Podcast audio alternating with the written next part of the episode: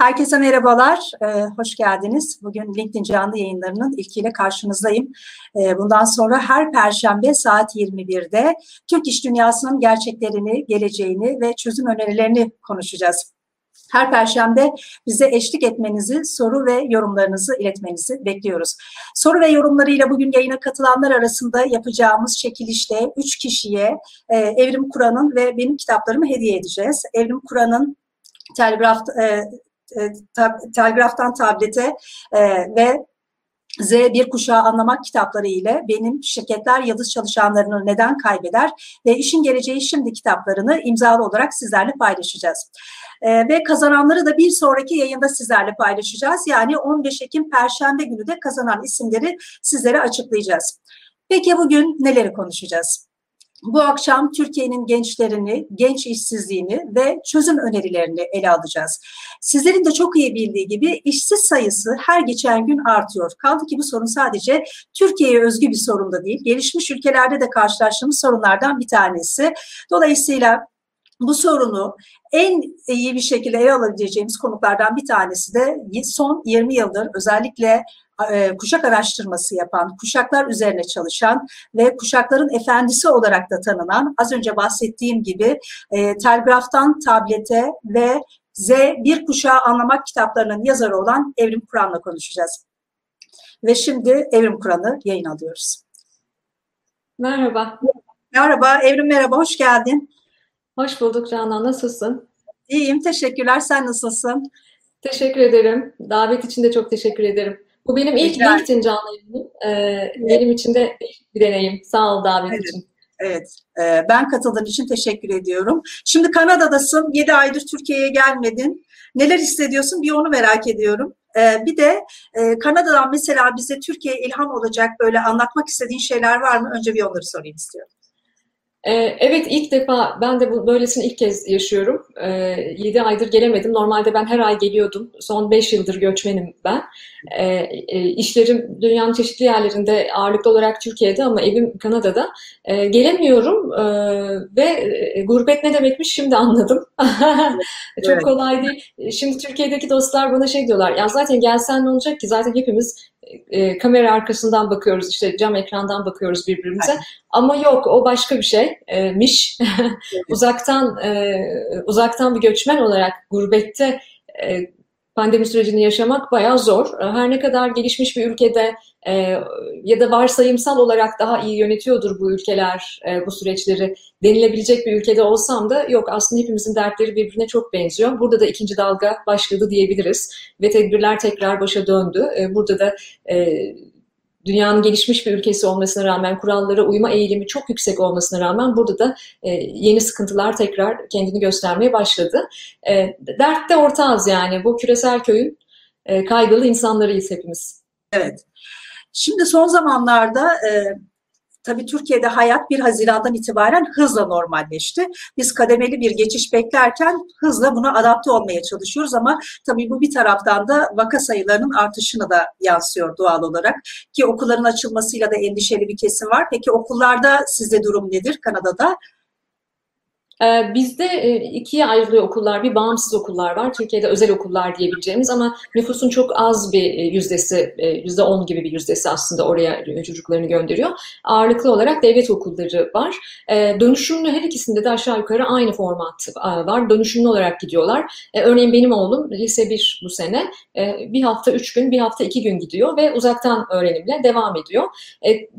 Bizim, yani benim oğlumun okulunda yazı gerçekten çok aktif geçirdiler süreçler, yani bu yazı demeyeyim sadece yani bütün pandemi sürecini e, okulu fiziksel olarak dönüştürmek konusunda e, çok ciddi bir, bir finansal yatırım yapıldı. Hani bu açıdan avantajları var tabii gelişmiş ekonomilerin. E, devlet desteğinin daha fazla oluşu, e, bağımsız okulların e, çok daha fazla veli desteği alabilmesi falan gibi. Ama ne kadar da olsa tabii ki okullarda da vakalar ortaya çıkıyor. Biraz daha şeffaf olabilir belki burası. Bizim bu vakaları duymamız anlamında. Ama çok çocuklar için kolay bir dönem değil. Kadınlar için, anneler için bilhassa hiç kolay bir dönem değil. Erkek dostlar, erkek arkadaşlar bizi dinleyen alınmasınlar ama çalışan kadının görevlerine pandemiyle beraber e, ev kadınlığı, öğretmenlik, e, danışmanlık vesaire gibi bir sürü unsurlar da eklendi. O yüzden bu dönem bütün jenerasyonlar için ve bence bilhassa e, çalışan kadınlar için çok çok zor bir dönem. Çok doğru bir noktaya temas ettin. Çünkü pandemiden en çok etkilenenler de zaten istihdam kaybı anlamında da kadınlar oldu. Yani kadınlar evet. Erkeklere kıyasla bu dönemde daha fazla işlerini kaybettiler. Şimdi e, son dönemlerde biliyorsun Türkiye'de herkes kuşakları konuşuyor. Bilen bilmeyen herkes bu konuda yorum yapıyor. Şimdi ben bu e, tartışmaları izlerken gözüm hep seni arıyor. Yani Evrim Kur'an aslında bu dönemde ne söyleyecek? Yani e, çünkü bunun bilir kişisi gibi bir taraftan aslında görüyorum seni. Yani senin ne söylediğin daha önemli. Çünkü diğer tarafta bazen hakikaten araştırmadan ya da bunu e, literatüre dayandırmadan ya da ne bileyim derinlikli bir şekilde, kapsamlı bir şekilde ele almadan insanlar bu konu hakkında yorum yapabiliyorlar. Dolayısıyla Bugün Türkiye'de yaşanan genç işsizliğini konuşabileceğimiz en doğru ismin sen olduğuna gönülden inanıyorum. Dolayısıyla ilk soruyla da başlamak istiyorum. Şimdi Türkiye lideri olduğun global bir araştırma şirketi var ve bu araştırma şirketi her sene 61 ülkeden 1,5 milyona yakın gencin datasını topluyor. Ee, ve sen Türkiye özelinde de bu araştırmayı yapıyorsun ve bu e, Türkiye özelindeki araştırmanın son çıktılarından bizimle neler paylaşmak istersin? Tabii şunu da belirtmem lazım. Elbette ki rakamlar, sayılar unutuluyor ama o rakamları kazıdığımız zaman arkasından bir takım insan hikayeleri çıkıyor. Ben senden bu arka mahalle, yukarı mahalle, burada çıkan bir takım hikayeler neler dikkatini çeken ve bir de geçmişe kıyasla Türkiye'de neler değişiyor ve nelerin daha kritik hale geldiğini düşünüyorsun? E, teşekkür ederim e, yorumların için, e, soru içinde. Elbette data önemli. E, ben bir araştırmacıyım ve e, insan hikayelerini, anlatıyı data buluşturup e, Türkiye'li insanların da sağlam verilere bakarak veri tabanlı konuşmasını ve böyle davranışlar geliştirmesini çok önemsiyorum. Hiçbir katkım olmazsa e, gençlik iletişimi, hayat vizyonum gençlerin istihdam edilebilirliğini artırıcı, artırıcı çalışmaları kolaylaştırmak. Ama bu alanda hiçbir katkım olmazsa bile bu dünyada en azından e, dataya bakarak konuşmak konusunda umarım e, fayda sağlayabilmişimdir bunca yıldır. Bizim araştırmalarımız, e, e özellikle global araştırmalarımız üniversiteli gençlerle yapılan araştırmalar. E, biz Türkiye'de hem e, üniversiteli gençlerle, 8 yıldır üniversiteli gençlerle, Türkiye'nin dört bir tarafından üniversiteli gençlerle hem de üniversiteyi bitirmiş ve istihdam edilmiş e, genç çalışanlarla eş zamanlı olarak bu araştırmaları yürütüyoruz. 2020 araştırmasını çok önemsiyorum çünkü pandemi döneminde hemen kapattık. Yani pandemi başlarken araştırmanın bittiği günlerde. Önümüzdeki ay Kasım itibariyle de 2021 araştırmamız başlıyor. Yani 2020 ve 21 araştırmasının kıyaslamalarını çok konuşacağız bence e, önümüzdeki sene bu zamanlarda. Ama genel olarak 2020'de e, gördüğüm şey şuydu.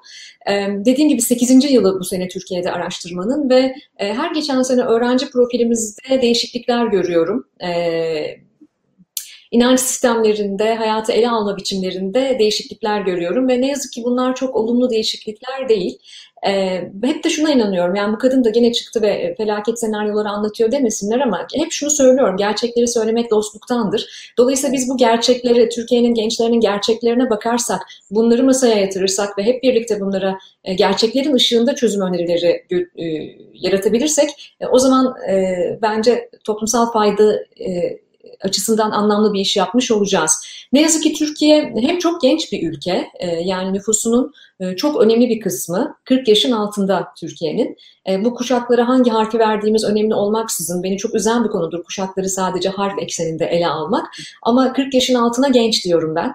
E, misal ben genç değilim. E, 40 yaşın altında 51-52 milyona yakın insan var Türkiye'de. Yani e, büyük bir Avrupa Birliği üye ülkesinin toplam nüfusundan daha fazla e, bizim gençlerimiz var. Y kuşaklarımız, Z kuşaklarımız var. 20 yaş altı gençlerin oranı çok fazla ama Türkiye gençlerini seven bir genç ülke mi sorusunu yıllardır soruyorum. Bunu kurumlara soruyorum, kural koyucuya soruyorum, yasa e, koyucuya da soruyorum. E, istihdam yaratan kurumlara da soruyorum ve yanıtım hayır. Genel olarak Türkiye gençlerini genellikle seçim önceleri e, hatırlayan bir genç ülke ya da e, e, istihdam dönemleri hatırlayan e, veya işte e, gençlik projeleri yapıldığında pazarlama kaygılarıyla hatırlayan bir genç ülke. Halbuki bizim istihdam edilebilirliğini gençlerin artırmamız gerekiyor. Bizim araştırmamızın çok önemli çıktılarından bir tanesi her sene gençlerimizdeki etik zekanın, etik perspektifin daha da düştüğünü görmemiz. Biz çünkü onları profilleriz bütün dünyada. Kullandığımız bir profil analizi var. Ve özellikle son birkaç senedir artan bir uluslararası uluslararasıcı, internationalist dediğimiz bir profil vardı.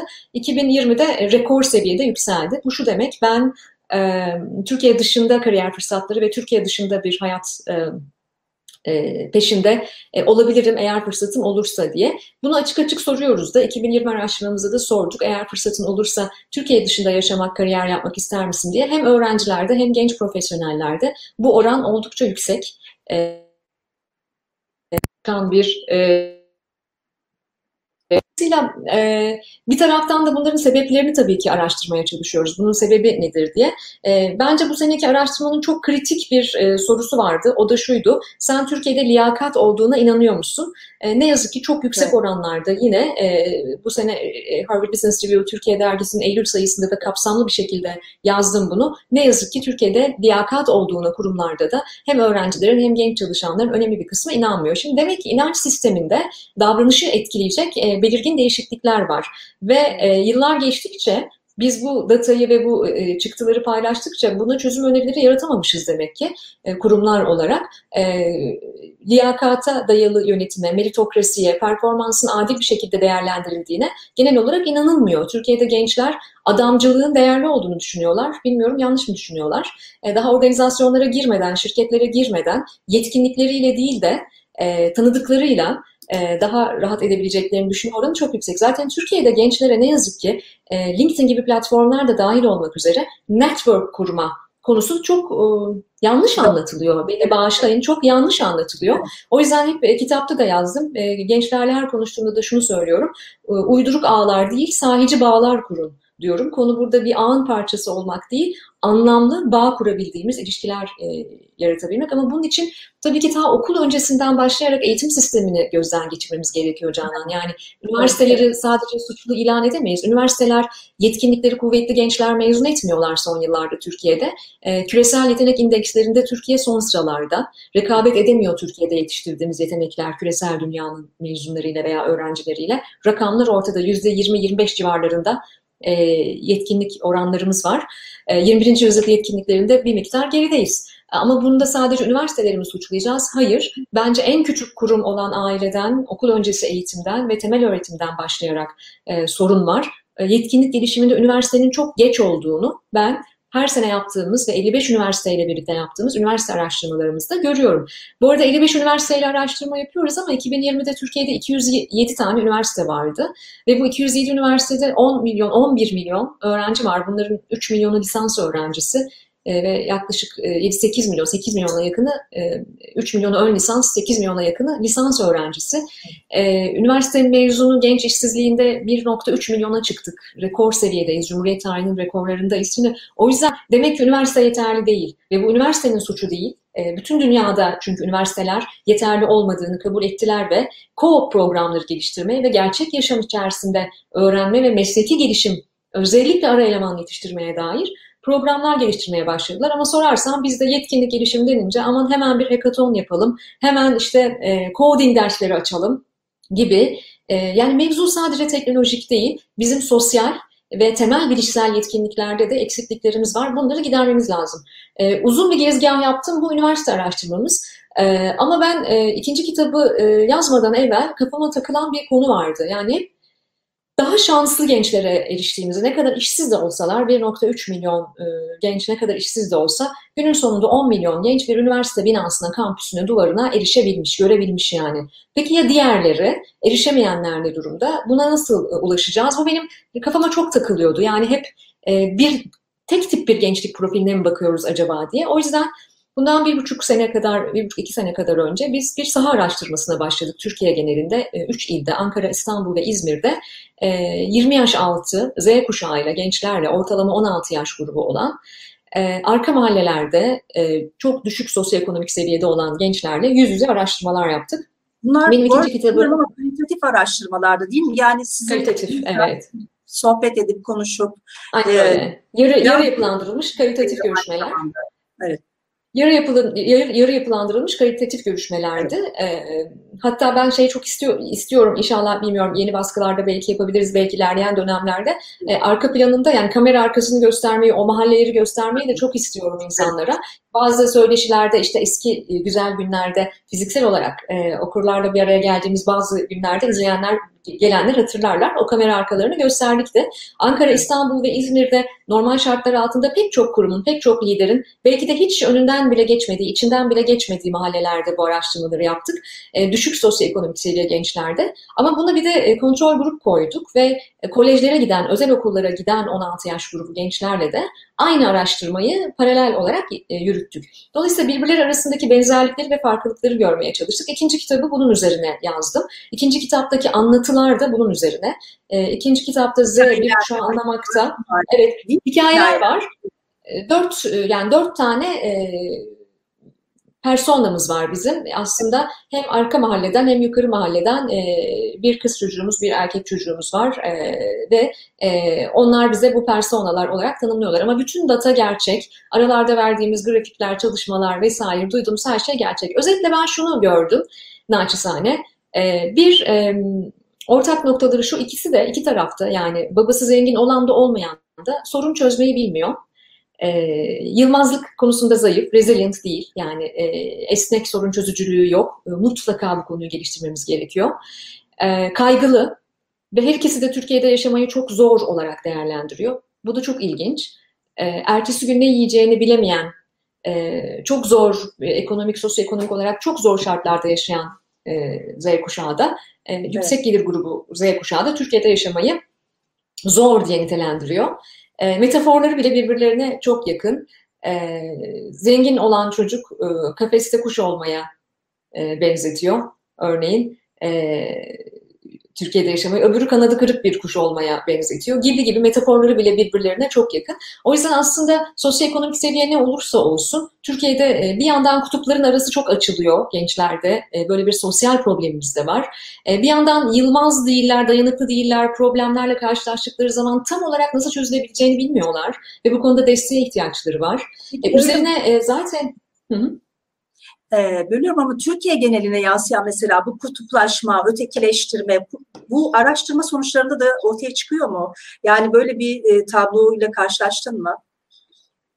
Şimdi aslında e, e, küresel köyün e, kaygılı çocukları diyorum ya ben onlara. Aslında bu küreselleşmenin getirdiği bir e, ortak nokta var. Yani e, sonuçta e, aynı kanallardan e, benzer kanallara erişim sağlayabiliyorlar. Türkiye'nin veya dünyanın neresine giderlerse gitsinler. Ama e, örneğin e, bir takım kültürel öğelerde okudukları kitaplar, dinledikleri müzikler, e, sevdikleri sosyal medya platformları, e, yaptıkları sporlar, sevdikleri sporlar, rol modelleri, izledikleri diziler bunların hepsi birbirinden çok farklı.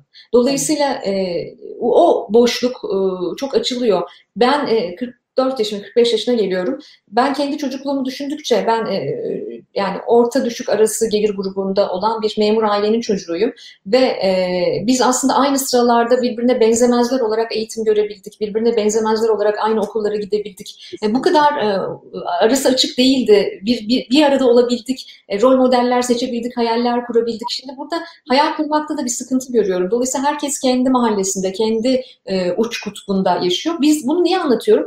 Biz Covid-19'a Mart itibariyle, Mart 2020'de e, pandemi sürecine biz bu kırılganlıklarla girdik. O yüzden lütfen yeni normal deyip durmayalım. Yani yeni normal e, benim için tek kelimeyle saçma bir ifade ve tembellik. Ee, biz zaten çok da normal olmayan koşullarla girdik. O yüzden ısrarla söylediğim bir şey de var. Bu bağlamda bizim yeni bir normale ihtiyacımız yok. Zaten normal olmayan şeyler yaşıyorduk Türkiye ve Türkiye'nin gençleriyle. Ee, bizim yeni bir norma ihtiyacımız var. Yeni bir norm koymaya. Ee, ve bunu nasıl yapacağız? Konu bu. Yani bunu hem kurumlarda nasıl yapacağız? Çünkü bu artık bu şirketin de sorumluluğu, e, bu ailenin de sorumluluğu. Gelişmiş ülkeyle gelişmekte olan ülkenin farkı şu. Gelişmiş ülkede e, lider veya kurumun lideri finansal açıdan görece daha rahat olduğu için ekonomisi gelişmiş ülkede çıkıp şunu söyleyebiliyor. İşsizliğim işsizliği kafana takma onları ben halledeceğim sen sağlığına bak diyebiliyor bir lider rahatlıkla çıkıp. Tıpkı Kanada'da işte aylar evvel Justin Trudeau'nun çıkıp bunu söylediği gibi. Ee, ama biz kırılgan bir ekonomiye sahibiz. Biz başka şartlardayız Türkiye olarak. Dolayısıyla bizde ailenin sorumlulukları e, ikiye katlandı. Şirketin ve liderin sorumlulukları ikiye katlandı. Okuldaki eğitimcinin sorumlulukları, okul yöneticisinin sorumlulukları ikiye katlandı. Ve çocukların kendilerinin de sorumlulukları ikiye katlandı. Bunlar yeni şeyler miydi? Benim hatırladığım kadarıyla bu piyasada uzun yıllardır varım, 20 yıldır bu araştırmaları yapıyorum, 15 yıldır kendi şirketimi yönetiyorum. Ben 15 yıldır en az zaten e, hazırlanmamız gereken e, sürecin e, adı Covid olsun olmasın bu olduğunu söylüyordum. Sen bir yönetim danışmanı olarak ve binlercemiz bunları zaten söylemiyor muyduk? İşte buyurun şimdi er meydanındayız. Evet.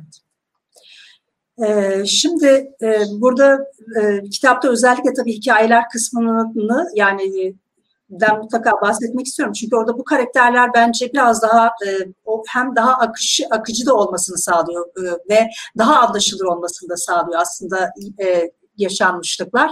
E, bir taraftan da mesela Erdal abi hikayesi var değil mi? Su'nun hikayesi var kitapta. E, dolayısıyla beşinci baskısını da yaptı bu arada. Kitabı almayan e, ve özellikle bu alanda ilgilenen herkesin de okumasını ve e, raflarında yer edilmesini mutlaka e, öneriyorum. Şimdi bir diğer sorum şu olacak. Uluslararası Çalışma Örgütü dedi ki pandemiden bugüne 400 milyon kişi işini kaybetti.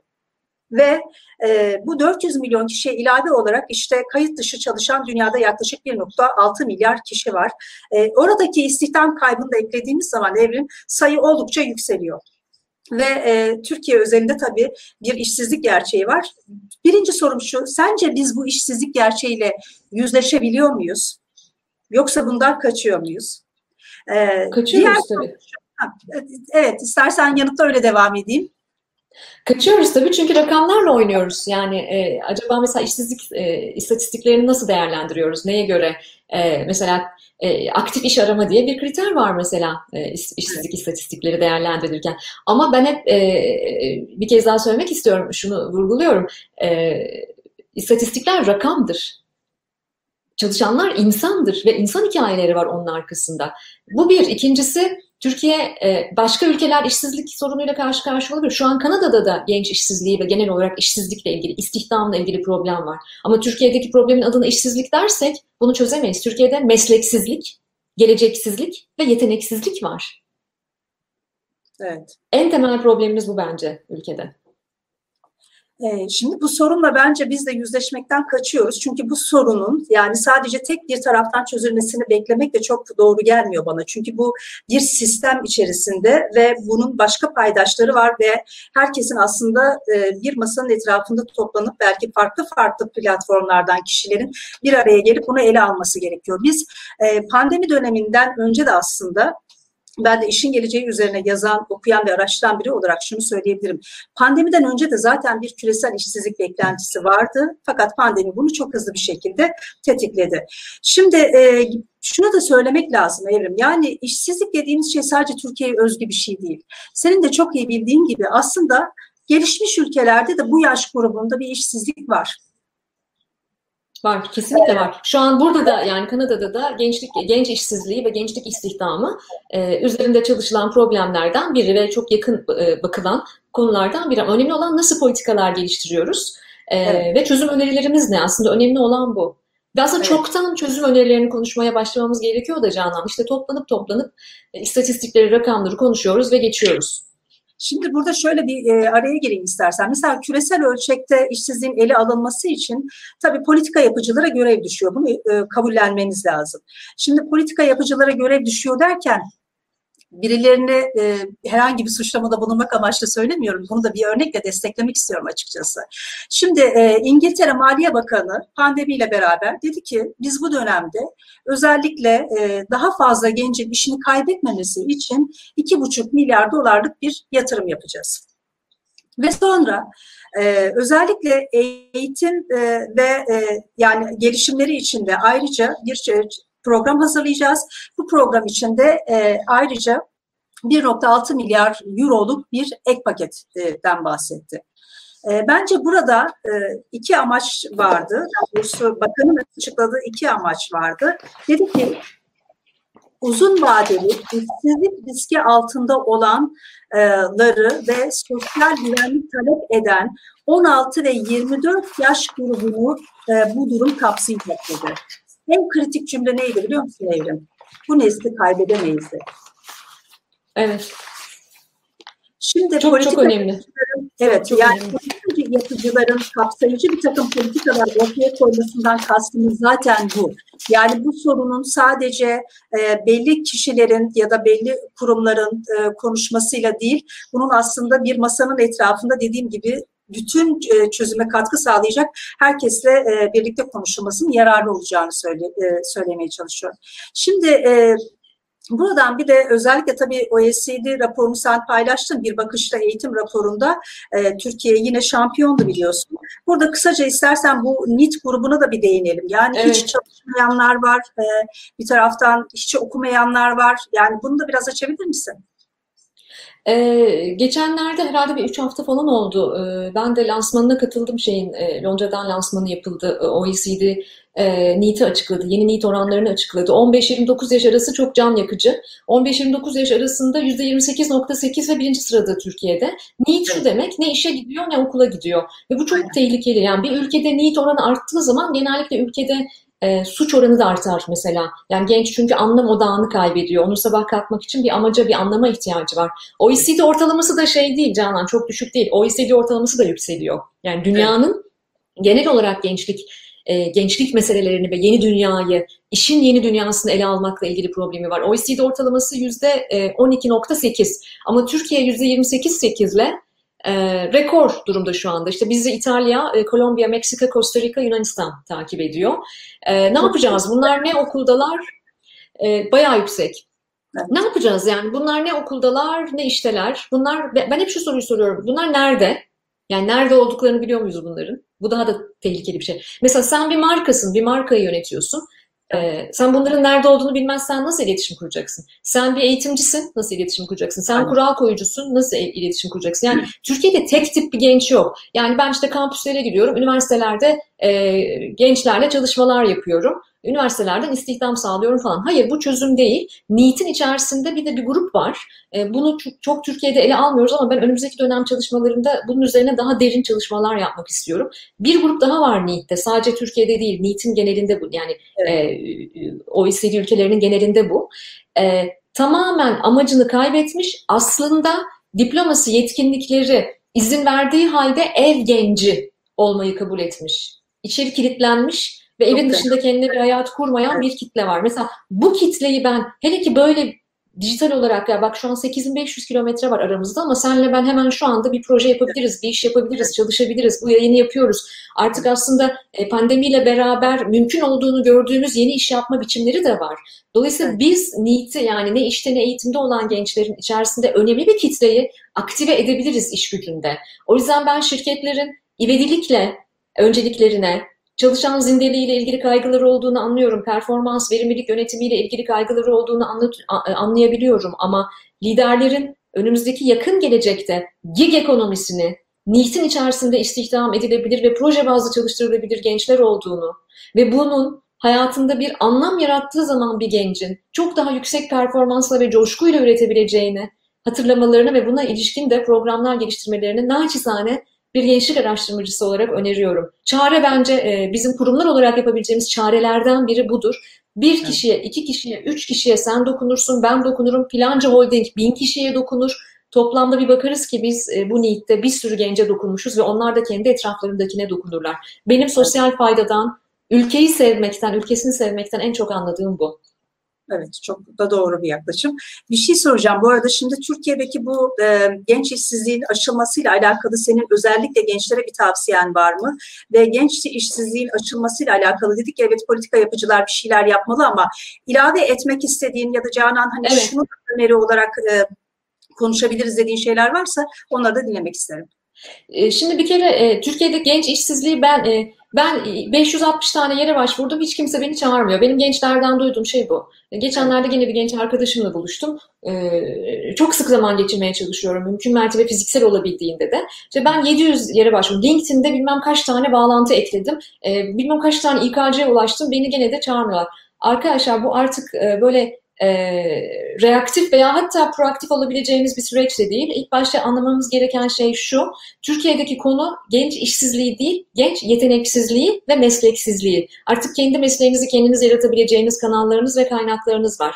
Ne yapmak istiyorsunuz? Ee, bunu yapmak için ne bedeller ödemeye hazırsınız? Eğer hazırsanız, yaşam boyu öğrenci olmaya hazırsanız bütün kanallar ve kaynaklar size açık. O yüzden lütfen sizden çok rica ediyorum kendinizi hele bu dönemde yeni beceriler kazandırmakla ilgili dünyada şu an birçok e, eğitimi neredeyse bedavaya alabilirsiniz ya da çok çok cüzi miktarlara, çok çeşitli programlara katılabilirsiniz. Lütfen yetkinliklerinizi geliştirin. Üniversite diplomanıza güvenmeyin. Üniversite yeterli değil. Yeterli olsa 1.3 milyon üniversitede işsiz olmazdı Türkiye'de. Üniversiteden alacağınız diplomaya güvenmeyin sevgili arkadaşlar. Bir. İkincisi staj için şirketlerin kapılarını yumruklayın. Lütfen staj yapın. Çok rica ediyorum staj yapın. Ve bu stajları çok çeşitli yerlerde yapın. Çok çeşitli endüstrilerde yapın. Staj yapmanız zorunlu olmasa da gerçek hayatın provasıdır staj. Ve bu dönemde dijital olarak da bir sürü şeyler yapabilirsiniz. Üçüncüsü, kendi şirketinizi kurun kurmayın. Her biriniz birer girişimci olmak zorundasınız. Bir başka şirkette çalışırken de olsa iç girişimci olmak zorundasınız. Ve bir girişimcinin en belirgin özelliği rezilyans. Yani 7 kere düşüp 8 kere kalkmak. O yüzden yeniden çerçevelemeyi öğrenmemiz gereken bir zamandayız hepimiz. Yani nasıl yenildim değil, niye olmuyor değil, ne öğrendim ve bir sonraki adımımı nasıl daha farklı atacağım demek durumundayız. Size kişisel gelişim dersi vermek için sevgili genç arkadaşlarım bunu söylemiyorum. Hiç de haz etmem. Tavsiye vermeyi de hiç sevmem. Bana da verenleri pek dinlemedim gençliğimde. Ama bu yeni çağın gerçekliği bu. Ve bu savaş Mart'ta, Nisan'da araştırmalara göre Türkiye'de Covid sürecinde çok savaşçı bir ruha sahiptik. Şimdi savaşçı ruhumuzu zannedersem yıprandık, biraz geride bıraktık. Ama bu savaş, bugün Covid-19, yarın Movid-19. Ee, bu savaş daha uzun bir süre devam edecek. Bu bir yetkinlik savaşı. Bu bir yetkinlik savaşı. Ve bu yetkinlikler sürekli değişiyor. Bunu bir dezavantaj olarak alabilirsiniz. Ama ben genç olsaydım bugün bunu avantaj olarak alırdım. Babam zengin olsun olmasın, e, hangi şahane okullara gideyim gitmeyeyim önemli olmaksızın her an kendimi yeniden inşa edebileceğim bir çağın küresel vatandaşıyım. Kendime her gün bunu hatırlatırdım. Size de naçizane tavsiyem bu. Evet. Evrim şimdi e, sen yaşam boyu öğrenci demişken ben şunu sormak istiyorum sana. Şimdi herkes yaşam boyu öğrenci olmaktan bahsediyor. Yani bir taraftan yaşam boyu öğrenci olmanın zorunluluğu ben ona diyorum ki e, bir taraftan da bu çok zor yani. Çünkü herkesin yaşam boyu öğrenci olmasını beklemek doğru bir şey mi? Yani bu e, nasıl söyleyeyim sana motivasyon gerektiren bir şey. Yani bir taraftan evet. da gerektiren bir şey. E, o zaman şimdi sen e, senin söylediklerinden şunu anlıyorum. Yani e, arkadaşlar özgeçmişinizi değil becerilerinizi geliştirin bir taraftan da. Kesinlikle. Özgeçmişlerine pek ihtiyacımız olmayacak zaten yakında biliyorsun. Evet, evet. Dolayısıyla şimdi e, peki iş dünyasında da çok konuşulan bir şey var biliyorsun artık dillere pelesenk oldu. Teknik becerilerle soft becerileri yan yana istiyoruz. Evet. E, artık böyle adayları daha fazla tercih edeceğiz. Ya mı geleneksel eğitim sistemiyle bunu nasıl yapacağız? İmkansız. O yüzden her birimiz kendi fakültemizi kalbimizde, beynimizde inşa edeceğiz. İmkansız. Ama Canan eğer oturup doğru konuşalım. 90'larda ben lisans okudum. 90'larda da çok imkanlı değildi. Hele evet. ki o zaman teknoloji de yoktu. Evet. Ee, değil mi? Hele o zaman teknoloji de yoktu. Yani bir kütüphanede sıraya girip 35 tane şey karıştırıyorduk. Onun adını da unuttum. O kartları karıştırıyorduk. Acaba aradığımız kaynağı bulabilir miyiz? Randevular alıyorduk kütüphanelerden falan. Ee, ama gene kendimizi inşa edebildik. Bu bir tercih. Yani e, eğer gerçekten üst hayalleriniz, üstün hayalleriniz ve kendinizi gerçekleştirmek ve kendinizin ötesine geçmek gibi hayalleriniz varsa ben bunun mümkün olduğunu söylüyorum. Ama bedelini ödemeye hazırsanız bedeli büyük. Az önce söylediğin gibi yaşam boyu öğrenci olmak. Ben LinkedIn'de falan görüyorum. Şimdi bu konu da çok popüler oldu. Yani bir şey bir lafı seviyoruz o da hemen popüler oluyor kuşaklar gibi. Ben mesela profillerde falan görüyorum. Bir sürü insan lifelong learner falan yazıyor. Evet, e, profillerinde işte ben profil lifelong learner. Bu öyle etiket yazmak, profile yazmak falan gibi değil her şeyin öğrencisi olmak zorunda da değilsiniz. Ama kişi kendini bilmek gibi irfan olmaz. Yani hangi konuda yaşam boyu öğrenci olabilirsin? En iyi olduğun yer ne? Orayı nasıl daha iyi parlatabilirsin? Michelangelo'nun e, e, Martin Luther King'in o meşhur lafı yani buradan e, sen bir çöpçüysen eğer senin süpürdüğün sokaktan geçen desin ki vay burada öyle bir çöpçü geçmiş ki Michelangelo'nun resim yaptığı gibi e, Mozart'ın müzik yaptığı gibi e, işini aşkla yapan bir çöpçü geçmiş. Bence sen bir çöpçüysen e, çöp toplama konusunda yaşam boyu öğrenci olmalısın. Yani her konunun da yaşam boyu öğrencisi olacağız demiyorum. Zaten biliyorsun Covid-19 sürecinde bununla da ilgili bir yanlış anlaşılma oldu. İnsanlar böyle acayip acayip pandeminin ilk günleri biri ekmek kursuna gitmeye başladı, biri bilmem ne, biri ben ben bari pilatesçi olayım, ben işte efendim şöyle. Hayır yani sen gerçekte e, neye aşkla bağlanabilirsen herkesin bir işi olabilir. Bazılarının bir kariyeri olabilir. Ama çok az insanın ulvi bir amacı olabilir. Ve bence gerçek tatmin, Bravo. mutluluk demiyorum. Mutluluk bugün var yarın yok. Mutluluk ne ki? Oraya çok karnımız tok yani mutluluğa. Ama ulvi amaç bu hayatta ben geldim, yaşadım ve bir e, hoş sada bıraktım diyebilmek için bir ulvi amaca ihtiyacımız var. İş bulabilirsiniz, kariyer de yapabilirsiniz ama zannetmeyin ki her işi olan, her süper kariyeri var gibi görünenin ulvi bir amacı var. O yüzden sevgili arkadaşlar bence alanınız, sevdiğiniz, çalışmak istediğiniz alan neyse orayı çok geliştirebileceğinize inanıyorum. Bütün kaynaklar hazır zaten. İnsanların evet. kapılarını çalmaktan da imtina etmeyin. Çalın kapıları, isteyin. Evet. E, amaçla ilgili sana şöyle e, katkı sunmak istiyorum. Çünkü amaç aslında bir taraftan da bizi diri tutan bir şey. Yani Kesinlikle. bir insan amacı varsa yani e, sabah uyanmakta, işte ne bileyim yaptığı işte bulaşık makinesine bir tabak yerleştirmek dahi anlamlı hale geliyor. Şimdi biz amacı bazen hedefle karıştırıyoruz biliyorsun. Yani bazen olsun diye e, beklediğimiz, hayal ettiğimiz bir hayat var. Diyoruz ki ama şöyle bir emekli olsam da şöyle bir işte çocuklar büyüse de işte ne bileyim tepemdeki yönetici bir gitse de ondan sonra zaten e, zannediyoruz ki o on, bütün o beklediğimiz şeyler gerçekleştiğinde o istediğimiz hayata erişeceğiz. Onlar olduğunda bile evrim mutlu olamıyoruz. Neden olamıyoruz? Çünkü bir amacımız olmadığı için. Yani o olsun diye beklediğin şeyler gerçekleştiğinde de bir amaç oluşmuyor zaten. Şimdi öğrenme ile ilgili ben şöyle bir ilavede bulunmak istiyorum. Çok sevdiğim bir söz var. Diyor ki öğrenme kapasitesi e, bir armağan, öğrenme yeteneği bir beceri ama öğrenme isteği bir seçimdir. O yüzden özellikle tabii dünyada da pandemi sonrası öğrenme ve eğitim gelişim modelleri çok fazla konuşuluyor ama e, burada işte dediğim gibi herkesin böyle öğrenmeye istekli, motivasyonu yüksek ama benim kapasitemde bunun için çok yeterli e, gibi olumlu bir yaklaşım içerisinde belki de olmasını bekleyemeyeceğiz. Tabii Şimdi, bekleyemeyeceğiz ve bunun içerisinde de harika fırsatlar olabilir değil mi gençler için?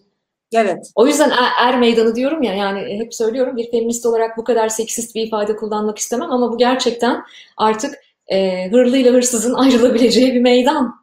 Aynen. Şimdi bir de şöyle bir şey var. Bizim eğitim sistemimiz tabii diğer ülkelerde olduğu gibi yani beceriye değil daha çok bilgiye dayalı.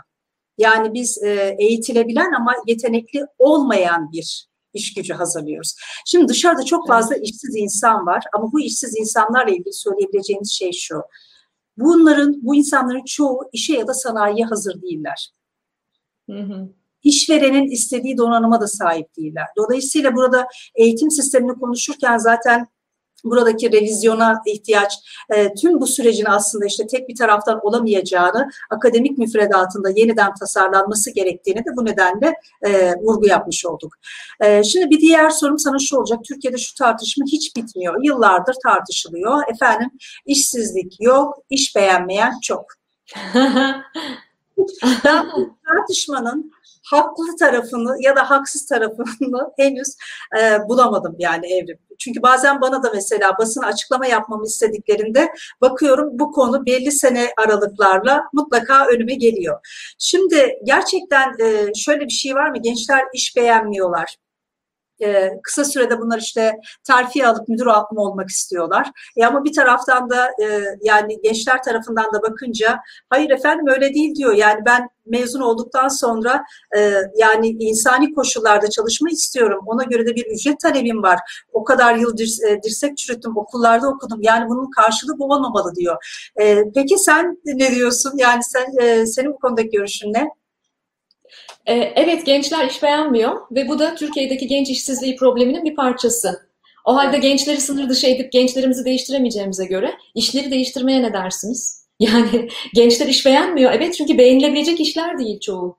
Ama ben bu işlerin yapılma biçimini, örgütsel yapıları, e, beklentileri, e, birlikte üretme, birlikte yaratma e, metodlarını geliştirerek bu işleri, işin ne olduğu çok önemli değil, nasıl yaptığımız önemli. Bu işleri yapma biçimini çağa uygun hale getiririm de o zaman bir daha konuşalım. Gençler iş beğeniyor mu, beğenmiyor mu?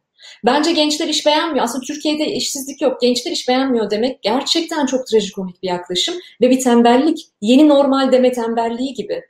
Evet gençler iş beğenmiyor ve iş beğenmiyorsa bu da Türkiye'deki işsizlik probleminin dışında konuşulabilecek bir şey değil. Biz ideal bir dünya yaratalım, iyileştirelim, işi iyileştirelim. Ondan sonra beğenmiyorlarsa bunu bir kez daha tartışalım. Evet. Ee, şimdi zamanında... Ben olsam ben de beğenmezdim canım. Yani ben olsam ben de beğenmezdim ayrıca.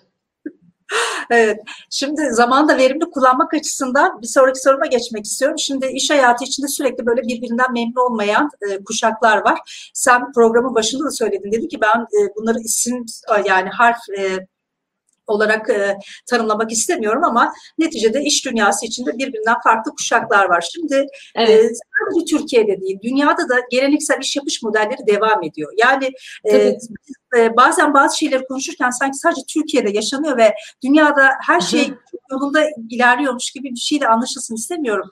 Çünkü dünyayı da takip ediyorum ve bizden daha farklı sorunlar yaşıyorlar e, ya da aynı ölçekte sorunlarımız var. Bunu rahatlıkla söyleyebilirim. Kesinlikle ben Türkiye'nin Türkiye'nin birçok sistemde sözünü valla kesiyorum. Kanada'dan daha dijital olduğunu, daha çevik olduğunu söyleyebilirim. Yani hala evet. her gün posta kutumuza 45 tane kağıt, mektup bilmem ne geliyor ve biz hala mektupla bazı yerlere dönmek zorunda kalıyoruz. Veya Türkiye'de bir bankada 5 dakikada halledebileceğin bir şeyi burada bir günde, iki günde halledebiliyorsun gibi. Yani aslında Türkiye evet. e, dijital dönüşüm ve çeviklik konusunda aslında hiç de fena bir yerde değil. Ama Sadece... Ne Evrim? Adaptasyonda evet. da öyle değil mi? Yani. Adaptasyonda da öyle. Aynen öyle. Yani çok esnek bir yapıya sahibiz çünkü kaslar güçlü. Sürekli evet. dert çözdüğü için, Cumhuriyet evet. tarihi boyunca farklı alanlarda problem çözdüğü için kaslar güçlü. Evet. Ee, yani burada mesela Batı'da özellikle Kuzey Amerika'da e, bir garsona bir şey sipariş ederken bile yapısallığın bir tık dışına çık. Mesela salatada ben şu sosu değil bunu istiyorum de görebilirsin nasıl pert olduklarını. Evet. E, çünkü o yapısal, o görev tanımları, o yapısallığın dışına çıkmaları çok zor oluyor. Ama bizde biz biliyorsun her şey kişiselleştirilebiliyor, özelleştirilebiliyor, müşteriye özel hale getirilebiliyor. Biz evet. çok acayip, çok çevik bir kültürüz aslında. Evet. Ama başka sorunsallar var bizden. Başka e, handikaplarımız var bizim. Evet. Şimdi mesela e, kulaklıkla müzik dinliyor çalışan yöneticisi diyor ki ben bunu nasıl yaptırım uygulayabilirim? Yani nasıl verim çalışabilir ki diyor. Onun adına karar veriyor zaten. Yani kulaklık takıyorsa muhtemelen e, anlamıyordur. Onun işle alakası yoktur diyebiliyor. Şimdi bu e, işveren tarafından bir bakış açısı ama gençler de genellikle yöneticilerini eski kafa bulabiliyorlar. Yani onların mutlaka kendilerini update etmeleri gerektiğini düşünüyorlar. Peki biz bir diğerini dönüştürmeden bu uyumu nasıl sağlayacağız? Yani e, birbirimize benzemeye çalışmadan e, kendimiz kalarak yani bu dönüşüme yani bu uyumu nasıl sağlayacağız?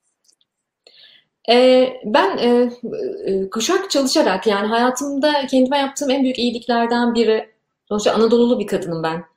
Ee, böyle olmayabilirdi ama kuşak çalışarak şöyle bir iyilik yapmış oldum kendime sanırım. Ee, doğru ve yanlış etiketlerinden uzaklaşıp gerçek etiketine yaklaşmaya başladım. Gerçekle daha fazla ilgilenmeye başladım. O yüzden e, doğrularla ve yanlışlarla ilgilenmemek beni insanları daha az yargılamaya götürdü. Ve bunun kuşkusuz ki özel e, yaşantıma da yansımaları olmuştur.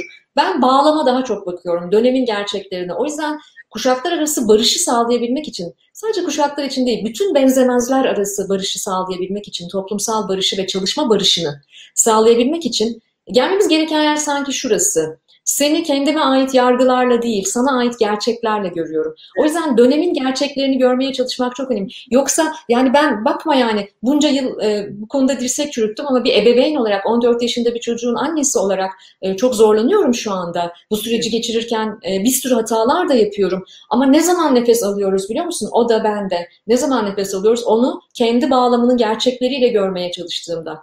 Çünkü benim oğlum Ali de şu anda önemli bir sınava hazırlanıyor ve kulaklıkla müzik dinleyerek buna hazırlanıyor. Ben bu çocuğun lideri de olabilirim yarın bir gün.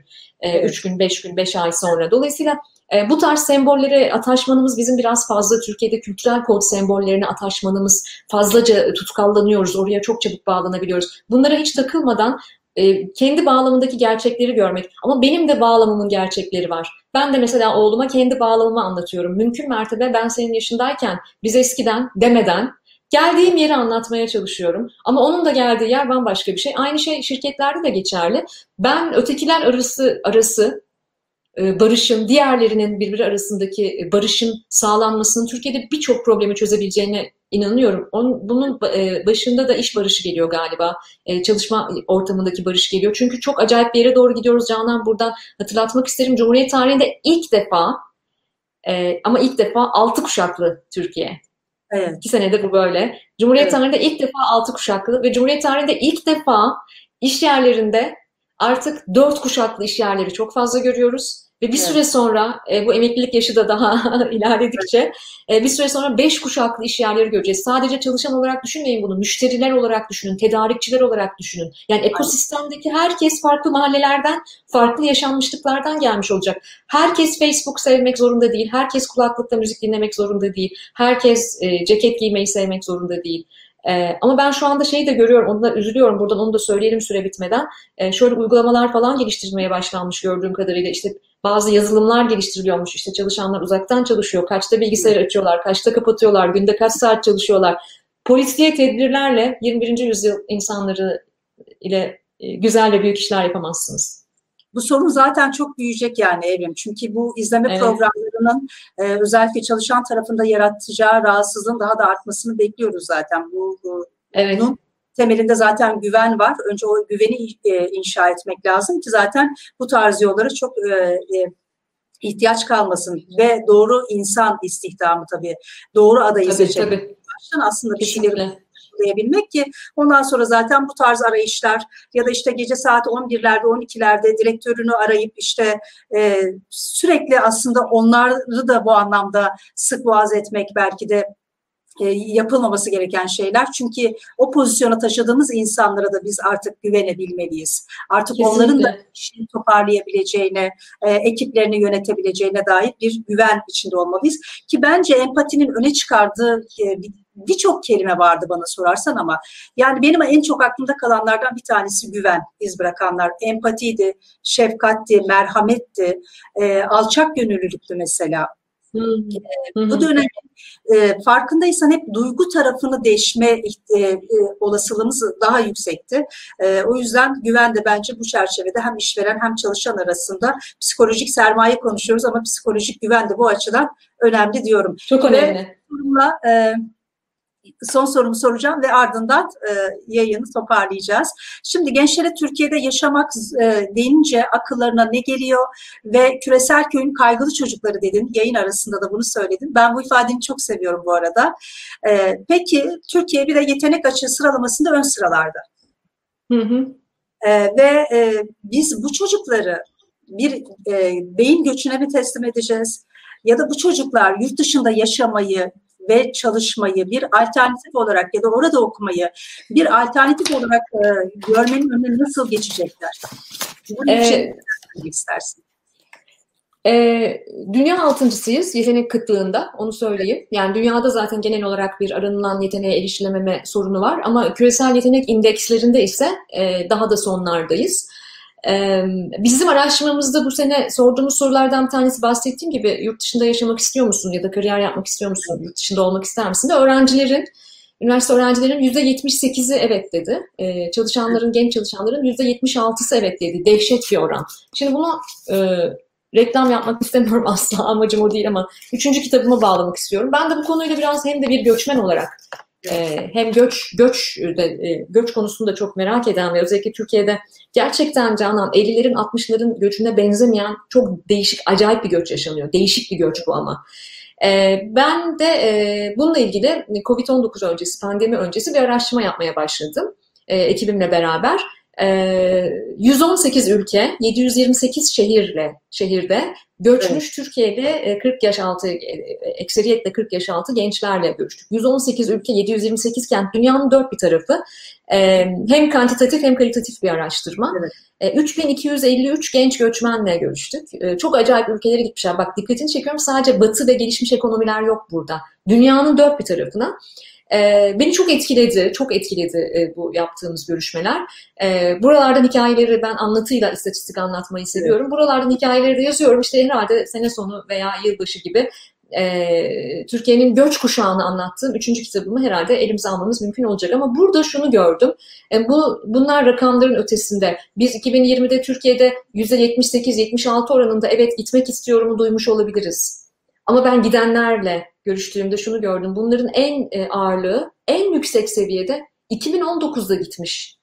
2019'da gitmiş mesela. Ee, evet. Neyin birikimiydi bu? Ya 2019 bak daha bir şey yok öyle hani pandemi bilmem ne şu bu aslında. E, dolayısıyla neyin birikimiydi, neyin tetiklemesiydi? Bunlarla ilgili çok derin görüşmeler yaptık. Müthiş hikayeler var. Ne yalan söyleyeyim, belki kendim de göçmen olduğum için bazen karşılıklı görüşmelerde, özellikle derin e, görüşmelerde karşılıklı gözyaşımızın biraz aktığı da oldu. E, ama görüştüğüm herkes, ama herkes elbette bir gün Türkiye'ye dönmek isteriz. Ama ne zaman bilmiyoruz dedi. E, ben orada da çok büyük bir fırsat olduğunu düşünüyorum. Hele ki pandemiyle beraber e, tıpkı benim şu anda ülkede bulunamamam 7 aydır ama ülke için çalışmaya evet. devam etmem gibi bakarsak aslında dünyanın dört bir tarafında hala e, kurumlarımız için, ülkemiz için, buradaki projelerimiz için çalışabilecek milyonlarca genç olduğunu hatırlatmak istiyorum buradan bizi dinleyenlere de. Evet. Evrim çok merak ettim ben araştırmanı Çok. Ben de çok merak ettim. Vallahi Canan diyorum ki öyle bir işin içine girdim ki hani okey yazıyorum, çiziyorum, ediyorum falan da e, galiba hayatımda yazdığım e, en zor şey bu. Yani onca makale, akademik çalışma, şu bu, kitaplar falan. E, bunun altından inşallah kalkabilirim. E, datamız çıktı, araştırmamız kaldı. Çok güzel. Konu çok güzel. Bir de tabii e, özellikle bu konuları ele alırken bunun bir de sosyolojik çevresi var zaten. Yani evet, evet. Sosyolojik araştırmalar. E, o yüzden ne çıkacağını hakikaten çok merak ediyorum. Süper bir konu, onu da belirteyim. Yani e, ama biz ümit ediyoruz ki tabii gençlerimiz ülkelerinde kalsınlar. Burası için, kendi ülkeleri için çalışsınlar. E, kendi ülkeleri için değer üretsinler ve dünyaya açılan markaları e, onlar yaratsınlar, onlar oluştursunlar. İnşallah. Ama ben buradaki en e, büyük engellerden birinin fikrin özgürleştirilememesi olarak da görüyorum evet. açıkçası. dolayısıyla hani bana sorarsan neden giderler? Yani en önemli nedenlerden biri, olarak bunu söyleyebilirim açıkçası sana. Ee, onu da sorduk. Ee, onu evet. zaten tahmin edersin. O hikayeleri çok e, göreceksin. Onu da evet. sorduk zaten. E, onu sorarak başladık aslında. E, ve insanların birbirine ne kadar benzemeseler de mesela ideolojik olarak e, sosyo-kültürel hayat biçimleri, anlayış, eğitim, iş olarak birbirine hiç benzemeyen, tercihler, eğilimler olarak birbirine hiç benzemeyen çok çeşitli bir insan topluluğuyla çalıştık. E, ve hemen hepsinin çıkış noktası, motivasyonu buna çok benzer konular. Dolayısıyla e, bizim en temelde ihtiyacımız olan şey fikirde, duyguda, özgürlük. E, ve özgürlük e, aslında birçok yerde kısıtlanıyor. Bazen evlerimizde de kısıtlıyor, kısıtlıyor olabiliyoruz. Evet. O yüzden özgürlüklere, evet. özgürlüğe saygı duymaya belki evimizden başlayarak topluma yayabiliriz. Evet. Evet. Çok teşekkür ediyorum Evrim Kur'an. Bugün bizlerle olduğun için, yayına katıldığın için, çok değerli bilgiler paylaştığın için. E, kapanış için söylemek istediğim bir şey varsa onu almak isterim. E, ben çok teşekkür ediyorum davet için. Evet. Bir süredir e, kapanış, yani bu tarz toplantılarda, çalışmalarda e, kapanışlarda e, Amerikalı bir aktivist olan Sonia Ronnie Taylor'dan bahsediyorum. Onunla kapatmak istiyorum. Tamam. Ee, Sonia Rennie Taylor geçenlerde birkaç ay önce bu yeni normal konuşmalarında şöyle bir şey söylemişti. Demişti ki normale dönmeyeceğiz. Hani ne zaman normale döneceğiz, ne zaman normale döneceğiz diye soruluyor. Normale dönmeyeceğiz çünkü zaten hiçbir zaman normal olmadık. Korona öncesi varlığımız normal değildi. Doyumsuzluğu, eşitsizliği, tükenmişliği, yoksulluğu, çözülmeyi, kopukluğu, karmaşayı, şiddeti, istifçiliği, nefreti, kifayetsizliği normalleştirmiştik. E, o yüzden şimdi normale dönmek istememeliyiz dostlarım. Bizlere yeni bir kumaş dokuma şansı bahşedildi. Tüm insanlığa ve doğaya uygun bir kumaş. Ben bu sürecin hep birlikte o kumaşı dokuyabilmemize olanak tanımasını temenni ediyorum ve sağlık diliyorum herkese. Teşekkürler. İstersen senin e, bir sözünle tekrar e, noktalayalım. Diyor ki bu nesle iyi bir e, dünya bırakamıyoruz. Dilerim iyi bir nesil bırakıyoruzdur dünyaya. Çok güzel bir temenni Evrim. E, dileğinin gerçek olmasını istiyorum ben de. E, umarız gerçekten e, iyi bir nesil bırakıyoruzdur bu dünyaya. Çok teşekkür ediyorum bizlerle olduğun için. Ali'ye, ailene selamlar, sevgiler. Tekrar görüşmek dileğiyle. İyi akşamlar diliyorum sana. Görüşmek dileğiyle. İyi akşamlar memlekete de. Hoşçakalın. Hoşçakalın. Sevgili Evrim Kur'an'a bugün bizlerle olduğu için tekrar teşekkür ediyorum. Ee, beni takip edenler e, bileceklerdir. Ben bu dönemi aslında siste araba kullanmaya benzetmiştim. Demiştim ki yolun ne sonunu görebiliyorsun ne de yolun kenarlarını görebiliyorsun. Önünde bir araba var işte. Arabanın farından bir ışık geliyor ve o ışığa göre aslında biraz ilerliyorsun. İşte yapacak bir, bir şey yok aslında. Herkes gibi sen de sıradasın, bekliyorsun. Ama biraz böyle kendini emin hissettiğinde, ya doğru yoldayım galiba dediğinde de büyük resmi görmemeye alışıyorsun. Bu dönemi aynı zamanda şuna da benzetiyorum. Uçağa bindik diyelim. Yani uçağın kalkışından da, yani kalkışını kontrol edemiyorum. İnişini de kontrol edemiyorum. Ya da uçakta bir türbülans olursa o türbülansı da kontrol edemiyorum. Bu nedenle genellikle kontrol edemediğimiz ya da çevremizde bizim dışımızda gelişen şeylere çok fazla odaklanmamak gerekiyor belki de. Çünkü kontrol edebildiğimiz tek şey kendi benliğimiz. Bugünün zorlukları ve e, mücadeleleri ya da e, mücadeleleri, yarın başarıları e, ve zaferleri için ödememiz gereken bir bedel belki de. Bu süreçte en önemli şeylerden bir tanesi zihniyetimizi değiştirmek. Ee, çok zor biliyorum ama bizi güçlü kılacak şeylerden bir tanesi o. Her ne kadar siste de olsak, türbülansta da olsak mücadelemizi sürdürmek ve umudumuzu korumak zorundayız. Unutmayalım bugün yaptığımız şey yarın yapar. Eğer yeni bir yarın istiyorsak bugün yeni seçimler yapmak zorundayız ve geçmiş geride ondan öğrenelim ama gelecek önde onda hazırlanalım. Ee, bir sonraki yayında 15 Ekim Perşembe günü Manpower Group Türkiye Genel Müdürü Feyza Nari'yi ağırlayacağız. Bugün bizlerle olduğunuz için yayına soru ve yorumlarınızla katkı sağladığınız için teşekkür ediyorum. Tekrar görüşmek dileğiyle iyi akşamlar diliyorum.